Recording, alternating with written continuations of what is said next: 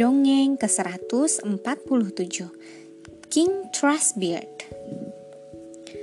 There was once a king who had a beautiful daughter, but she was so proud that she thought no one was good enough to be her husband.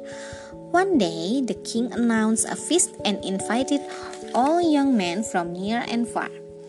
They lined up in the great hall in rows, the kings first, then the dukes, then the princes, the then the earls, then the barons. The princess went up and down the rows to look at them, but she rejected them all.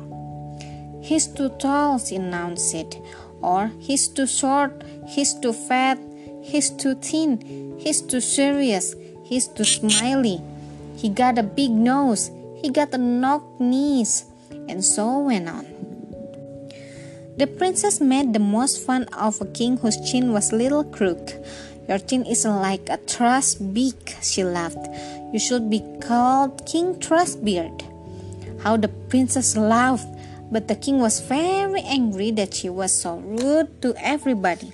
He swore that she should marry the very next beggar that came to the palace. A few days later, a fiddler came and sang outside the palace to earn a few coins. When the king heard him, he said, Bring him in. He shall marry my daughter. The princess pleaded, but the king would not be moved. The two were married, and the princess had to leave the palace with the fiddler. As her new husband led her way down the road, she wept and wailed and stamped her feet with anger. They walked and walked until they had left the prince's kingdom and entered the lands of another king. When they came to a huge forest, the fiddler said, This forest belonged to King Trustbeard. And the princess sighed and sobbed, Oh, if only I had chosen him. Afterwards, they came to a meadow, and the fiddler said, This lovely meadow belongs to King Trustbeard. And the princess sighed and sobbed, Oh, if only I had chosen him.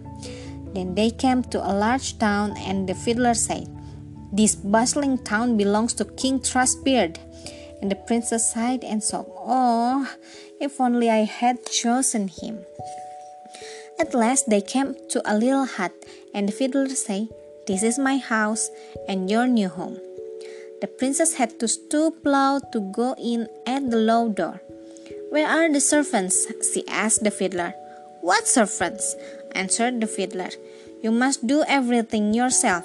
You can start by making a fire and cooking the supper, for it is quite late.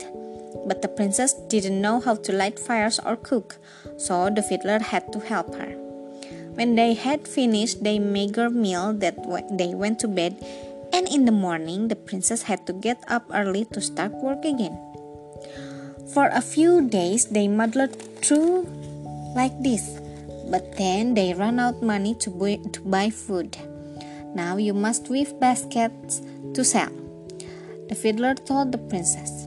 He went out and cut some willow twigs. The princess did her best, did her best to weave the scratchy basket with her del- delicate hands, but they weren't very neat at all. Now you must sit in the marketplace and sell them, said the fiddler. The princess hung her head. Whatever will people from the palace think if they see me? she thought to herself, but she had to do it or die of hunger. Unfortunately, the princess didn't manage to sell many of her badly made baskets.